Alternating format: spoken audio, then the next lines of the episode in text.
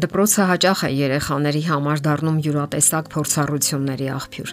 Այնտեղ նրանք ոչ միայն գիտելիքներ են ստանում, այլև սովորում են փոխհարաբերությունների արվեստը, թե հասակակիցների, թե ուսուցիչների հետ։ Տղաները հատկապես հաճախ են փորձում աչքի ընկնել իրենց տղամարդկային հատկանիշներով, ուժով, ագրեսիվությամբ եւ այլն։ Այդ ընթացքում լինում են թե ագրեսորներ, ովքեր ճնշում են, եւ թե ճնշվողներ, ովքեր լինելով խաղաղասեր հայտնվում են զոհի դերում։ Այստեղ կարևոր է ծնողների դերը։ Նրանք հաճախ չեն գուշակում, թե ինչ է կատարվում երեխայի հետ դպրոցում։ Այնինչ կարևոր է իմանալ, թե արդյոք երեխան չի ենթարկվում ճնշումների կամ ընդհակառակը ինքը չի ճնշում ուրիշներին։ Չէ՞ որ բոլոր երեխաները չէ որ իրենց հիմնախնդիրներով անկեղծորեն կիսվում են ծնողների հետ։ Սակայն գոյություն ունեն որոշակի նշաններ, որոնց կարելի է ուշադրություն դարձնել։ Հիմնախնդիրը նաև այն է, որ այս հարցին սովորաբար լուրջ չեն վերաբերում այնքան ժամանակ, քանի դեռ բանը չի հասել ֆիզիկական բռնությանը։ Այդ ժամանակ միայն ծնողներն ու ուսուցիչները իրար են խառնվում եւ սկսում են միջամտել։ Սակայն բուլինգը, ինչպես անվանում են ագրեսիայի այդ երևույթին, միայն ֆիզիկական բռնությամբ չի սահմանափակվում։ Երկար ժամանակ լուրջ ուշադրություն չէին դարձնում այդ հոգեբանական բռնությանը Ասենք թե երեխային ծաղրում են կամ չեն խոսում նրա հետ, չեն շփվում, մեկուսացնում են, այսինքն ենթարկում են հոգեբանական բռնության։ Ինչ մեծ բան է որ Այսօր միայն մեծահասակները գիտակցում են, թե բարոյական ինչ տարապանքներ է կրում երեխան, տվյալ դեպքում զոհը հոգեկան ինչպիսի վնասվածք է ստանում նա եւ ինչպես է ազդում այդ բոլորը նրա հետագա ճակատագրի վրա։ Նորվեգացի հոկեբան Քրիստին Աուդմայերը այս թեմային է նվիրաբերել մի ամբողջ գիրք։ Այն կոչվում է Բոլորը մեկի վրա եւ ինչպես պաշտպանել երեխային դպրոցական հալածանքներից։ Հաճախ ծնողները չեն ցանկանում տեսնել այն, ինչից զգուշանում են։ Մյուս կողմից երեխաներն էլ իրենք հաճախ թաքցնում են ճշմարտությունը եւ ձևացնում թե ամեն ինչ լավ է։ Ծնողները երբեմն զգում են, որ երեխայի մեջ ամեն ինչ չէ որ կարքին է, սակայն չգիտեն թե որ կետից սկսել եւ հասկանալ թե ինչ է կատարվում իրականում։ Իսկ բոլոր դեպքերում ծնողները պետք է ուշադրություն դարձնեն որոշ նշանների որոնք են այն նշանները, որոնք վկայում են, որ երեխան զոհի վիճակում է։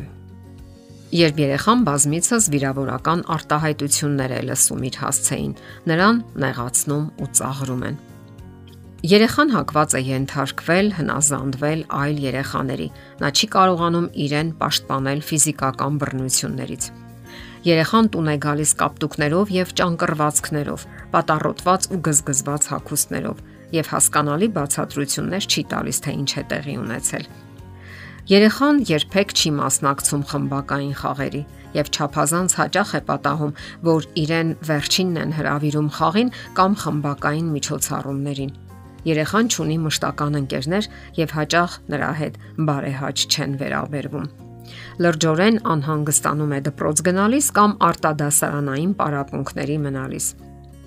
Նա դասամիջոցներին ձգտում է ավելի մոտ գտնվել մեծահասակներին, փոխանակ խաղա իր հասակակիցների հետ դժվարություններ է զգում, երբ դասարանի առջև գրատախտակի մոտ դաս է պատասխանում։ Նման դեպքերում հնարավոր են նույնիսկ կակազելու երևույթներ։ Երբ երեխան կորցնում է հետաքրքրությունը դպրոցական պարապմունքների հանդեպ, Նա երբեք հյուր գնալու հրավերներ չի ստանում եւ ինքն էլ ոչ մեկին չի հրավիրում։ Հնարավոր են նաեւ այնպիսի իրավիճակներ, երբ բուլինգի ենթարկվող երեխան ֆիզիոլոգիական որոշակի ձևով է դրսևորում սթրեսը, կորցնում է ախորժակը, ունենում է գիշերային մղձավանջներ, լացում է քնի մեջ, ունենում է գլխացավեր։ Ավելի ծանր դեպքերում Նման երեխաները կարող են ֆիզիկապես վնասել իրենք իրենց, ընդունել թմրանյութեր կամ օգտագործել ալկոհոլ։ Ասենք որ այս նշանները պարտադիր չէ որ վկայեն բուլլինգի հալածանքների մասին, սակայն անհրաժեշտ է նման նշաններ տեսնելու դեպքում ուշադրություն դարձնել երեխային։ Ծնողները երբեմն շատ են զարմանում, իմանալով, որ իրենց երեխան մասնակցում է հալածանքների կամ ագրեսիվ վարքագիծ է դրսևորում Նրանք խոստովանում են, որ երբեք նման բան չէին սպասում իրենց քաղաքավարի, կիրթ, լավ սովորող եւ շատ ընկերներ ունեցող երեխայից Սակայն հալածանքներին մասնակցող երեխաները միշտ չէ որ անբարեհաջող ընտանիքներից են լինում կամ իրենց էլ են ժամանակին բռնության ենթարկել։ Այդպիսի ագրեսորներ երբեմն կարող են լինել ղեկավարի հակումներ ունեցող, բարձր կարգավիճակով եւ շփման լավ հմտություն ունեցող երեխաները ինչի վրա պետք է ուշադրություն դարձնել եւ ինչ նշաններ են վկայում, որ երեխան ագրեսոր է։ Երեխան սիրում է ինքնահաստատվել եւ ղեկավարել ագրեսիվ է խաղի ժամանակ։ Նա ամբողջ աշխարհը բաժանում է երկու մասի՝ սև ու սպիտակ։ Մարդկանց մի մասը բարի է, մի մասը չար եւ արժանի է իր վատ վերաբերմունքին։ Անկայուն հարաբերություններ ունի ընկերների հետ։ Աղջիկներն օրինակ սիրում են ընկերություն անել զույգերով եւ չեն հանդուրժում, երբ հայտնվում է երրորդը։ Ձեզ թվում է, որ երեխան սիրում է ծաղրել, նեղացնել ու վիրավորել, հարվածել, ինչպես նաև իր տարիքին անհամեմատ ագրեսիվ է, կտրուկ, կամակոր ու համառ։ Սակայն ասենք, որ ամեն ինչ բոլորովին էլ անհուսալի չէ։ Հոկեբան Քրիստին Աուդմայերը գրում է. ծանր եւ ամոթալի է ընդունել, որ քո երեխան հալածանքների մասնակից է։ Պետք չէ տրվել համընդհանուր տարածում գտած այն կարծիքին, որ ագրեսոր երեխաները անհուսալի են դա պարզապես առասպել է, ինչպես նաև այն, որ նրանք երբեք չեն ընդունում իրենց գործողությունների սխալ լինելը։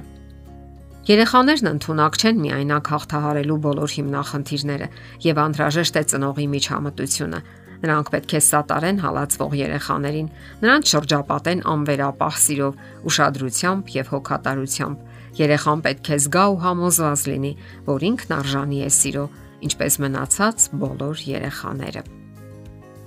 Եթերում է ընտանիք հաղորդաշարը։